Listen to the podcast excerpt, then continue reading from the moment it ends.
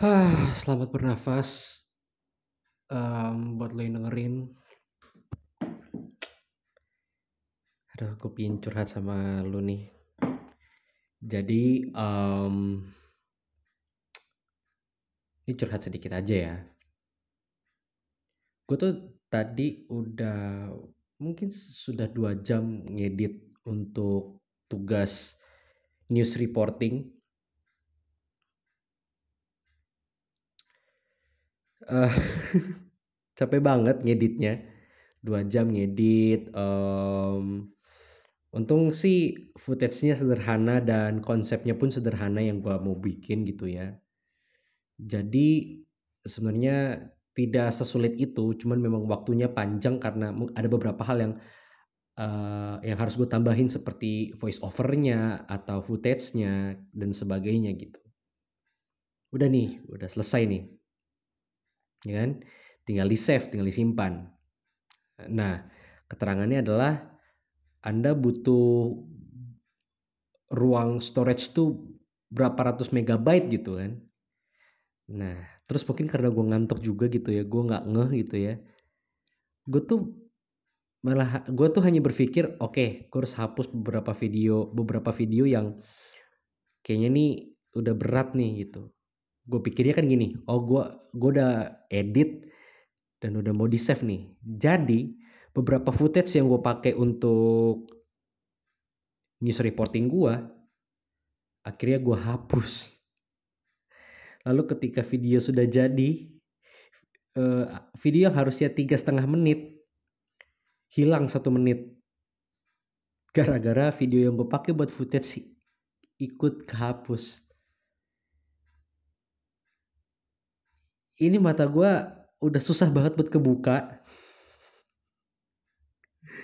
Dan gue harus kehilangan footage footage itu ya gue masih bisa disusun aja sih gampang gitu buat nyusunnya. Cuman kayak kesel aja gitu kenapa gitu? Lu kok bodoh banget sih Pierre gitu loh.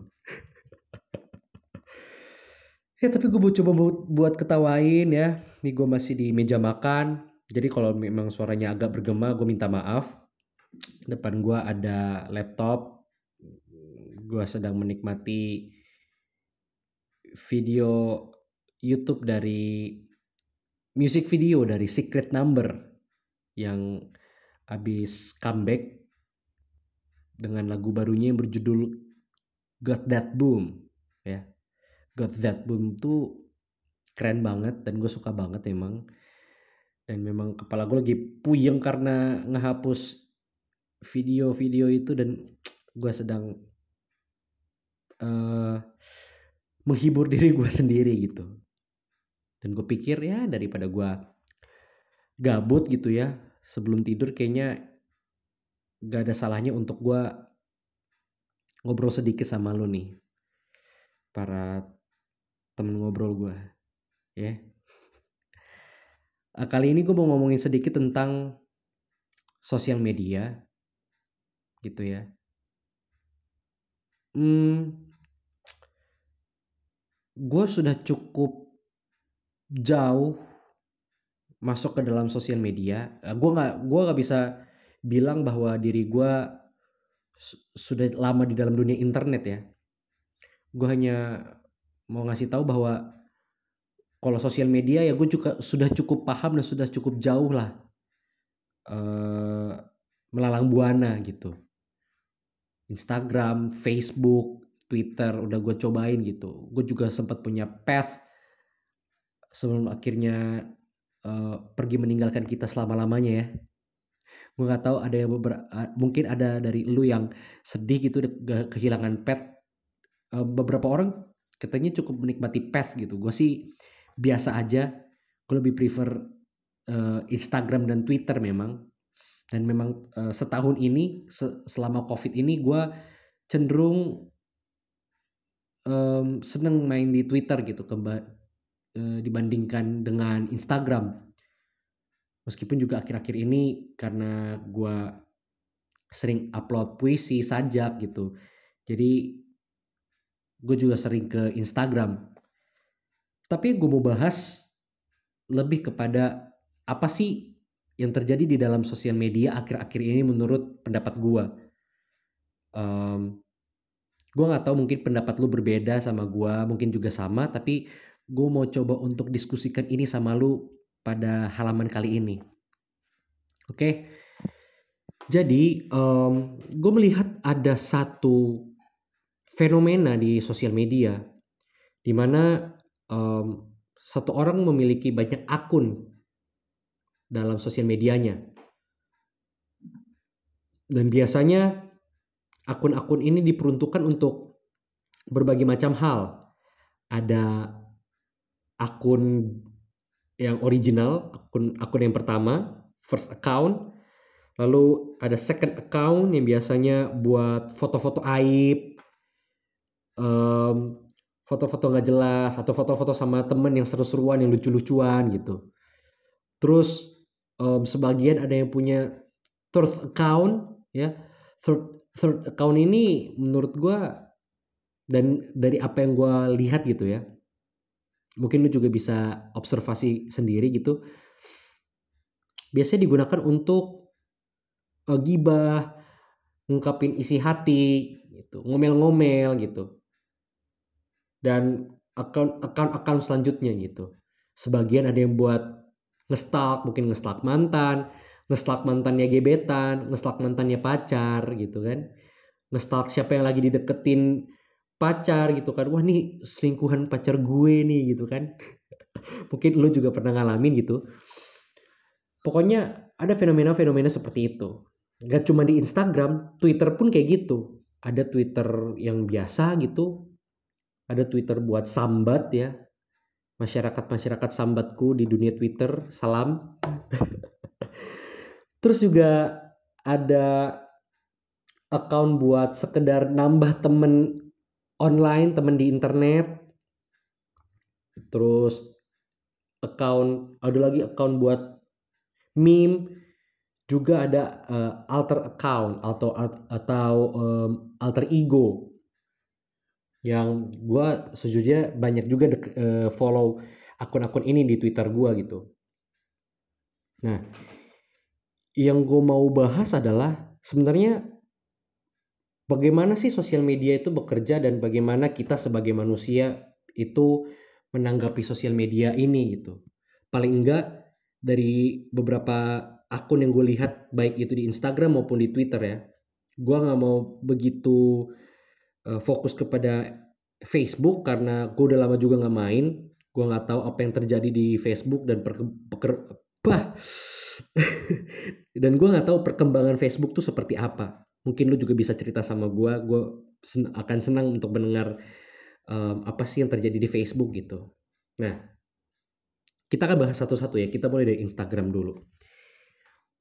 Di Instagram itu yang paling yang paling membuat gue cukup heran adalah ketika seseorang udah punya second atau third account Lalu di akun-akun tersebut yang notabene-nya orang-orang pilihan dong kan itu second account, bagian bagian yang private dari diri dari diri lu yang kemudian hanya sedikit atau segelintir orang yang bisa follow atau following lu gitu. Tapi di dalam second atau third account itu pun beberapa di antara pemegang akun tuh sering kali tetap menggunakan fitur close friend atau private ketika mengupload konten terutama di story Instagram gitu ya. Dan itu membuat gue berpikir gitu kenapa? gitu. Maksud gue gini coba kita sama-sama berpikir ya. Gue tidak bermaksud untuk menyinggung lu jika gue gak bermaksud untuk menyinggung lu kalau lu memang salah satu di antara mereka gitu. Cuman gue hanya mau bertukar pikiran gitu. Gue hanya mau tahu kenapa sih lu kayak begitu? Apa sih yang yang yang yang yang menahan lu untuk berbagi itu? Maksud gue dari first account lu ya itu kan banyak orang. Mungkin followers lu seribu dua ribu gitu. Dan mungkin ada beberapa orang yang lu nggak kenal dan lu nggak bisa ceritakan hal hal-hal privacy atau lu nggak bisa dalam tanda kutip menjadi diri lu sendiri di first account itu. Mungkin ada image yang harus uh, harus lu jaga. Mungkin ada sesuatu yang harus um, lu posting entah itu pekerjaan atau apa gitu. Lalu lu lalu lu membutuhkan account lain untuk menunjukkan sisi uh, lain dari diri lu gitu atau sisi private dari diri lu. Oke? okay? Gue sampai situ setuju gue nggak masalah. Yang gue coba untuk tanyakan adalah kenapa harus melakukan private atau close friend lagi ketika lu um, upload story gitu? Kenapa gitu? Apakah teman-teman lu yang di second account itu kurang dekat dengan lu juga gitu? Harus sedekat apa mereka untuk bisa melihat privacy paling nggak gini deh untuk melihat sisi lu yang mungkin lu lagi ngegosipin A ngegosipin B gitu. Maksud gue harus seprivate apakah account yang lu punya untuk bisa membagikan sesuatu tanpa lu tuh close friend gitu? Maksud gue gini kalau lu memang mau close friend ya dari awal better gak usah bikin second account gitu atau mau bikin second account ya nggak usah close friend gitu.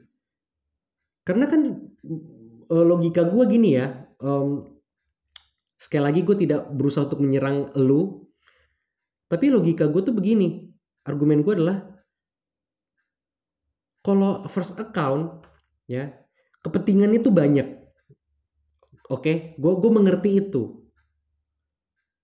Lalu ketika lu mau gunakan fitur close friend di uh, first account lu itu sangat masuk akal buat gue. Karena apa? Karena ada hal yang tidak mau lu campuri di dalam akun lu gitu.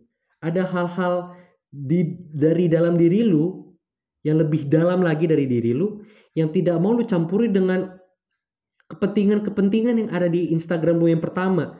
Entah itu image yang harus lu jaga, entah mungkin Instagram lu buat um, jualan dan lu nggak mau um, apa kecampur dengan urusan pribadi lu atau lu adalah seseorang yang mementingkan es, apa estetika um, untuk menjaga agar feeds di Instagram lu tuh tetap indah gitu dilihat. Ya, itu gue nggak masalah gitu. Nah tapi dari dari hal itu seharusnya lu bisa dong pakai fitur close friend di situ aja gitu. Dan ketika lu punya second account untuk urusan kehidupan pribadi lu bersama dengan teman-teman lu, ya itu gak usah di close friend gitu. Karena ketika lu bikin second, uh, second account, harusnya orang-orang yang ada di sana adalah orang-orang yang sudah lu kurasi sebagai teman-teman yang bisa melihat sisi lu tanpa marah gitu. Andai kata mereka akhirnya tidak lu percaya lagi atau mungkin lu udah lama nggak kan udah lama nggak ketemu dan lu merasa mereka sudah tidak relevan dengan lingkungan lu atau pola pikir lu sekarang menurut gua gak ada salahnya untuk lu unfollow aja gitu ya ini gue ngobrol supaya lu ngerti bahwa ketika lu semakin dewasa ada kalanya lu sadar bahwa temen gue tuh makin dikit ya gitu. Orang yang betul-betul orang yang betul-betul gue anggap sebagai teman sebagai sahabat tuh sedikit ya gitu. Dan gue mengerti itu. Dan dengan alasan seperti itu gue bisa memaklumi ketika lu punya second account untuk untuk untuk hanya teman-teman terdekat lu supaya kalian bisa gila-gilaan, bisa seru-seruan ngobrol, posting muka jelek atau apa pun di second account itu gitu. Tanpa harus membuat story close friend lagi di dalam second account itu gitu. Kalau memang ada seseorang yang lu tuh nggak mau dia tuh dengerin lu karena lu mungkin ngomongin dia gitu. Ya bikin aja grup chat di DM gitu atau kan lu punya WhatsApp, lu tuh punya Line gitu. Kenapa lu harus close, friendin gitu? Lu kan bisa berbagi video lu, keluhan lu di dalam grup WhatsApp itu, di dalam grup lain itu gitu. Kenapa harus di close friend gitu? Apa apa apa sih yang kalian jaga gitu? Dan gue bergeser ke Twitter sekarang ya. Alter ego tuh juga sesuatu yang menarik buat gue. Karena gini ya, gue melihat alter ego itu memiliki konsep yang gue yang gua coba perhatikan yang gue gua coba tangkap gitu ya konsepnya adalah kita memiliki satu akun di Twitter yang kita gunakan untuk melampiaskan sisi ego kita di mana sisi itu gak bisa kita uh, ekspresikan di kehidupan nyata ataupun di akun Instagram ataupun akun Twitter kita yang asli. Yang pertama,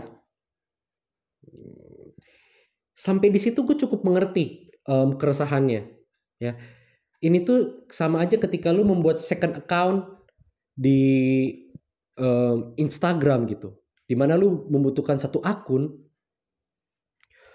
untuk lu bisa mengekspresikan sesuatu yang tidak bisa lu um, keluarkan di um, kehidupan nyata lu gitu. Atau di sosial media lu yang pertama gitu. First account lu gitu. Dan mostly ya alter ego itu berisikan sisi apa ya gue bisa bilang ya dark side dari seseorang gitu sisi gelap atau um, sisi dalam tanda kutip nakal dari seseorang gitu. Mostly, mostly yang paling banyak followersnya adalah mereka-mereka yang membagikan postingan um, atau tweet yang um, sensual dengan berbagai macam uh, alasan. Ada yang melakukan itu karena mereka mau self love mengekspresikan tubuh mereka dan mengapresiasi tubuh mereka. Ada juga yang memang uh, ingin melampiaskan stres dengan memakai bagi uh, pakaian-pakaian seksi lalu menguploadnya di uh, Twitter. Dan ini nggak berlaku hanya untuk perempuan ya, beberapa laki-laki juga berpenampilan seksi lalu foto dengan badan yang kekar gitu untuk sekedar melampiaskan stres gitu. Sebagian lagi menggunakan ini uh, untuk karena dia dia merasa dia cukup senang gitu ketika orang-orang dapat melihat dirinya dengan tubuhnya lalu orang-orang memuji orang-orang jadi jadi suka dengan postingannya dia gitu. Dan itu menaikkan kepercayaan dirinya sebagai seorang manusia.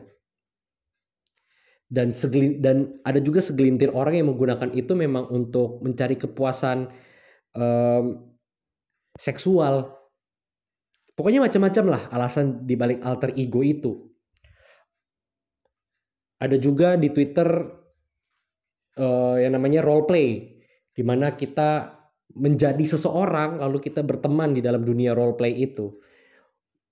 Mostly biasanya mereka uh, eh, role play itu menggunakan tokoh tokoh-tokoh Korea. Tapi gak jarang juga mereka menggunakan tokoh-tokoh western atau barat gitu ya. Lalu mereka punya komunitas dan mereka saling ngobrol di situ. Ada juga beberapa teman gua bahkan adik kelas gua mereka main di sana gitu dan gue juga nggak masalah gitu dan sama seperti alter ego di mana namanya di role play ini juga banyak kepentingannya gitu ada latar belakangnya gitu ada yang merasa mereka kurang bisa uh, bersosialisasi di dunia nyata tapi ketika di role play itu mereka bisa menjadi bisa lebih lepas untuk untuk bersosialisasi gitu um, ketika mereka dan gak, gak jarang bahkan baik di alter ataupun di role play itu mereka ketemu di dunia nyata lalu jadian gitu. Bahkan ada yang sampai menikah, tetapi memang ada juga berita-berita buruk ketika seseorang bertemu di sosial media berujung kepada um, pelecehan seksual dan sebagainya. Untuk yang bagian ini sih gue sangat amat menolak dengan keras tindakan-tindakan seperti ini gitu. Itu tindakan yang gak terpuji sih menurut gue. Tetapi itulah yang terjadi di Twitter. Nah, yang menjadi fokus gue dari dari dari kejadian-kejadian ini di sosial media adalah seperti ini. Gue punya teori bahwa ini teori ngaco gue ya. Uh, lu bisa telaah sendiri teori gue apakah ini benar atau tidak. Um, mungkin lu punya pertimbangan sendiri. Gue akan sangat menghargai itu. Nah, teori gue adalah ketika seseorang punya masalah masalah tuh dalam bukan berarti tuh kayak hancur banget gitu. Tapi ketika seseorang punya um, problem di dalam kehidupan sosial di, di dunia nyata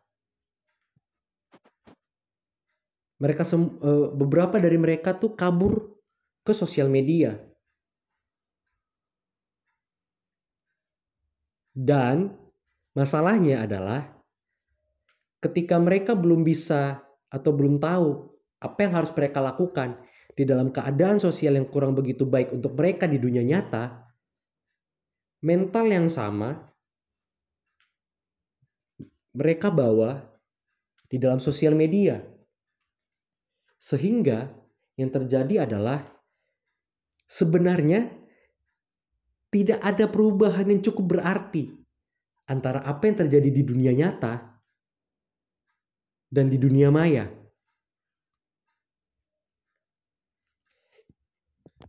Itu menurut gue terlihat jelas ketika seseorang udah punya second account, udah punya akun ketiga, tapi tetap masih close friend gitu.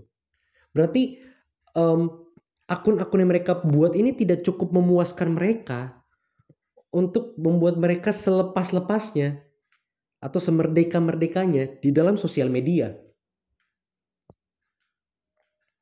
Gue tidak tahu ada berapa layer yang mereka pasang di dalam sosial kehidupan sosial mereka di di kehidupan nyata sehingga membuat sosial media tidak cukup mampu untuk menampung layer-layer selanjutnya di dalam kehidupan eh, orang-orang uh, ini gue tidak bilang itu salah. Gue cuman pingin tahu dan pingin ngobrol dengan orang-orang ini. Gue pingin tahu lebih lanjut gitu. Kayaknya seru ngobrol dengan mereka terkait layer-layer mereka layer 1, layer 2, layer 3 dan selanjutnya di dalam kehidupan mereka. Baik Instagram maupun Twitter menurut gue sama teori teori pertama ini. Gue menyebutnya adalah lapisan sosial, teori lapisan sosial, ya, di mana uh, eh, layer kehidupan sosial lu tidak cukup mampu ditampung oleh sosial media yang lu punya, sehingga lu punya lebih dari satu akun untuk dapat memuaskan atau dapat menempatkan layer-layer itu di dalam setiap akun lu. Itu yang pertama teori lapisan sosial. Teori yang kedua adalah ketika gua, elu, mereka tidak memiliki satu ruang yang cukup untuk bisa mengekspresikan diri kita apa adanya, maka kita menciptakan sosial media, kita membuat so akun sosial media dan membuat itu menjadi utopia dari kehidupan sosial dan kehidupan kita sebagai person ya, sebagai manusia yang utopia gitu. Maksud gue gini, seperti seperti adanya role play dan alter ego, ini memungkinkan seseorang untuk dapat menciptakan image dirinya sendiri yang sebenarnya dia tidak ciptakan. Tetapi dia bungkus dengan um, baju yang baru ya. Sebenarnya ini adalah bagian dari sisinya dia tetapi dia bungkus dengan dengan baju yang baru sehingga dia bisa masuk ke utopia yang dia inginkan.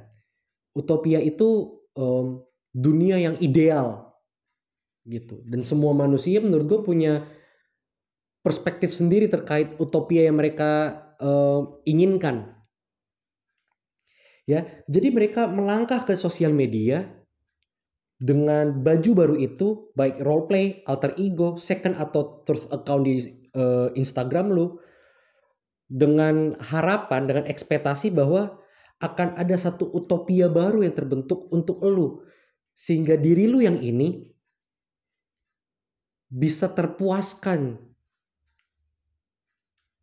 ya gue menyebut teori kedua adalah utopia utopia media. Ya di mana lu menggantungkan utopia lu kepada media sosial ya dan lu menciptakan satu lu mengeluarkan satu image yang baru dalam diri lu dan lu taruh di sana gitu. Dengan harapan lu bertemu orang-orang yang yang mengerti lu dalam tanda kutip apa adanya. Kenapa gue pakai tanda kutip? Gue akan jelaskan di akhir ya.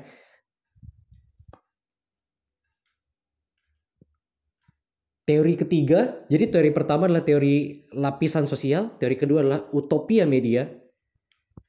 Teori ketiga yang lebih sederhana, bahwa uh, fenomena-fenomena ini bisa ada. Um, karena hanya sekedar lu pengen kabur aja dari dunia gitu. Lu tidak lu tidak punya masalah dengan keadaan sosial lu, lu tidak punya masalah dengan um, image diri lu sendiri, ya. Tapi lu hanya merasa capek aja dengan dunia dengan dunia nyata ya dengan lu capek dengan menjaga image ya karena ya namanya bersosial itu gak akan pernah bisa lepas dari namanya jaga image dan lu mau kayak dalam tanda kutip buka baju di sosial media lu itu gitu ya tapi itu kayaknya sih lebih masuk ke itu masuk ke dua teori tadi ya. Oke lah, berarti kita berdiri dengan dua teori nih ya. Teori lapisan sosial dan teori utopia media. Oke. Dari dua teori ini, gue mau menyampaikannya seperti ini. Gue menyadari akhirnya bahwa pada akhirnya sosial media belum bisa menjadi jawaban untuk kebutuhan itu. ya terbukti dari terbukti dari dua teori tadi teori gua ya bahwa keinginan-keinginan manusia terkait identitasnya, privasinya, atau bagian dari dirinya yang mau dia keluarkan tidak bisa dijawab oleh media sosial ya. Karena bagaimanapun media sosial adalah adalah lingkungan sosial dalam bentuk digital gitu. Sebenarnya tidak ada bedanya dengan dunia nyata kita. Gak ada bedanya dengan lingkungan sosial kita. Bentuknya aja yang beda, tempatnya aja yang beda, wadahnya yang beda yaitu media digital. Makanya disebut media sosial kan, karena dia menjadi media untuk kita bersosialisasi. Yang sebenarnya sudah terjadi di, di keadaan nyata kita gitu. Jadi ketika kita merasa bahwa account A, account B, account C, account 1, account 2, account 3 bisa menjawab kebutuhan sosial kita, kebutuhan kita sebagai uh, human gitu, sebagai person gak akan pernah bisa tercapai. Karena lu hanya pindah tempat.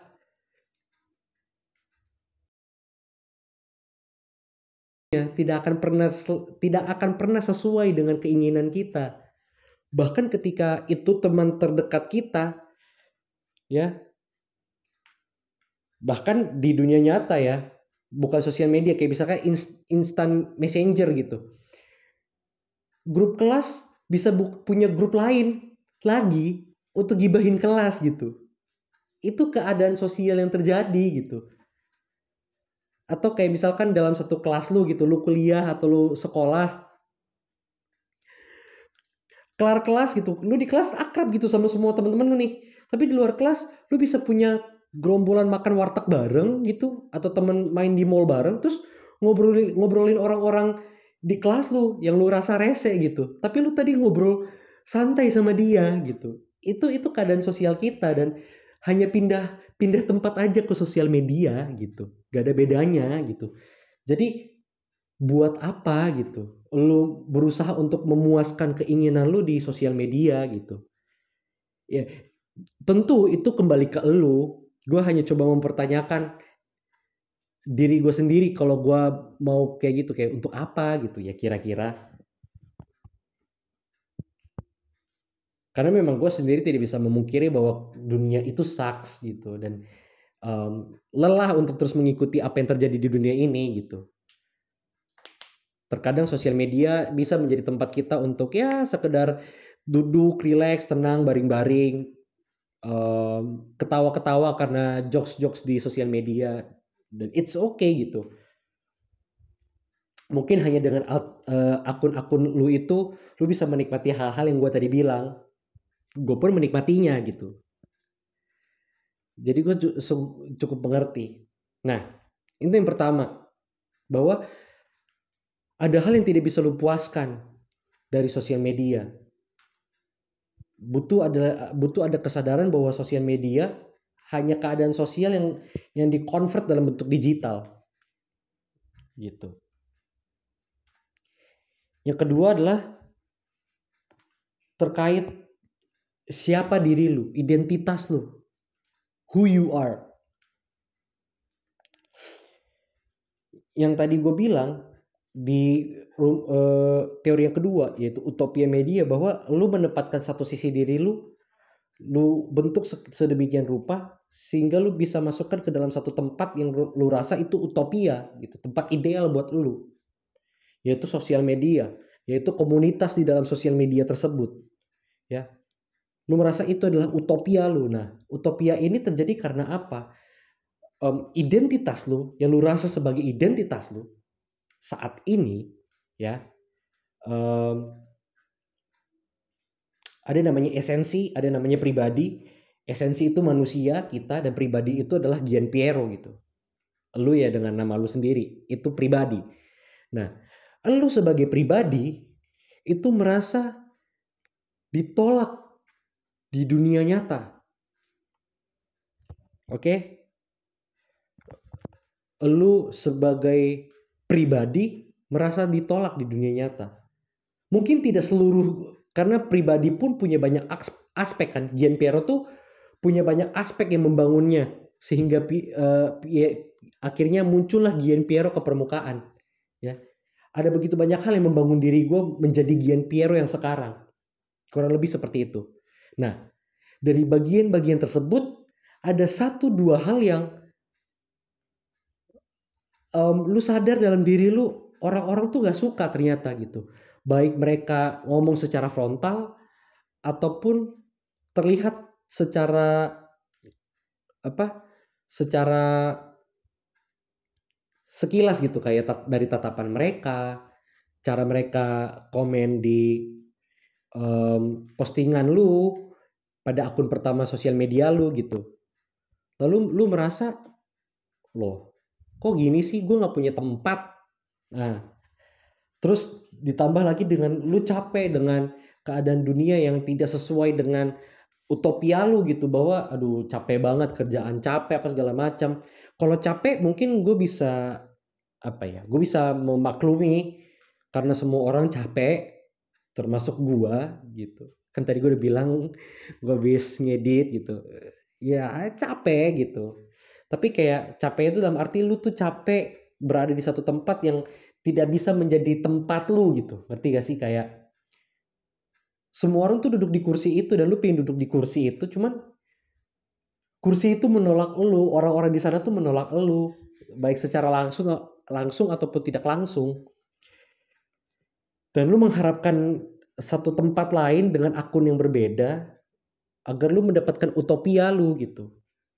Tempat lu beristirahat tempat lu untuk uh, kabur dari dunia dunia nyata gitu. Gue cuma mau bilang ya karena gue pernah mengalami gue ngomong ini karena gue pernah ngalamin gitu. Twitter gue yang sekarang itu sebenarnya semi semi alter gitu. Di mana gue mencari utopia gue bisa jadi laki-laki fuckboy gitu. Yang ngechat sama ngechat ngechat sana ngechat sini sama cewek-cewek gitu. Tapi gue pun capek sendiri gitu dan banyak dari antara orang-orang yang udah punya banyak akun itu capek sendiri gitu. Tapi mereka nggak ngerti gitu. Nah di sini makanya gue mau bilang bahwa utopia itu tidak akan pernah terjadi tidak akan pernah ada gitu. Karena sebaik-baiknya utopia di sosial media pada akhirnya lu butuh betul-betul pribadi yang menerima lu apa adanya gitu. Sekali lagi gue gue gue tidak gue bukan bukannya skeptis. Gue hanya tidak mau um, lu dan mereka terperangkap di dalam utopia ini karena bagaimana uh, mau bagaimanapun ini hanya utopia gitu oke mungkin lu bisa akhirnya um, menghargai diri lu. Lu bisa mencintai diri lu dengan adanya akun itu. Gue sangat bersyukur bahwa lu bisa mencintai diri lu. Tetapi tidak semua orang punya kesempatan yang sama dengan lu gitu. Tidak semua orang seberani lu. Mungkin dia hanya ikut-ikutan dan dia merasa mungkin ini cara gua tapi atau mungkin itu lu orangnya di mana lu mengikuti orang lain yang yang yang memakai akun itu untuk self love juga dan lu mengikuti tapi lu tidak uh, mungkin caranya kurang kurang masuk ke lu sehingga lu kok malah makin hmm, insecure dan sebagainya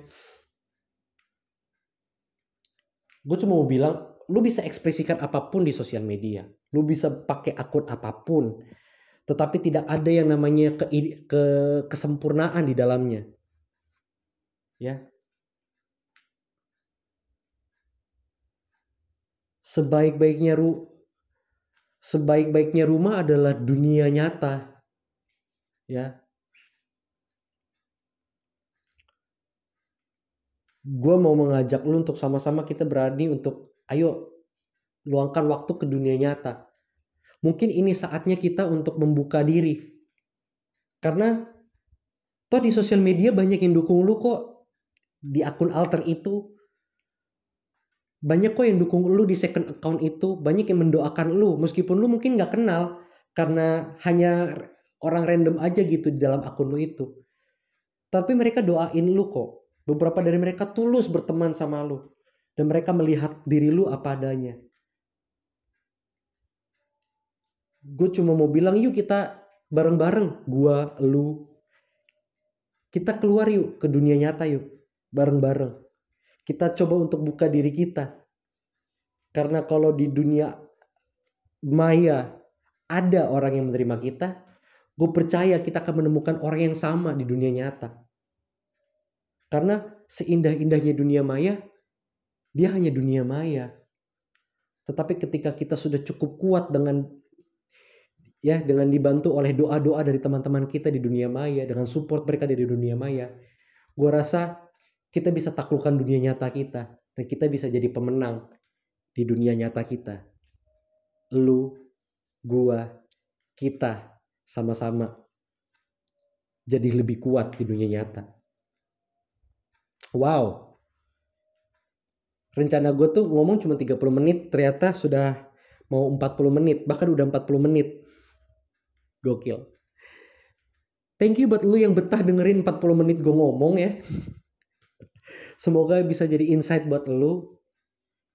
Gue juga seneng bisa ngobrol lagi sama lu di podcast ini. Hmm, semoga gue bisa konsisten untuk ngobrol sama lu ya. Gue pingin bisa apa podcast ini bisa terus jadi teman buat lu di setiap minggunya gitu. Itu aja sih dari gue kalau lu mau ngobrol-ngobrol kita bisa DM DM-an di sosial media gue ya at underscore. Um, email podcastjaim at gmail.com silahkan de, uh, email aja. Ya biar gak cuman gue yang ngoceh gitu biar cerita lu bisa didengarkan oleh oleh banyak orang juga. Mungkin bisa menguatkan banyak orang memberkati orang gitu. Who knows cerita aja. Oke sekian dari gue gue mau tidur. Kalau lu begadang sama kayak gue tidur juga ya. Dah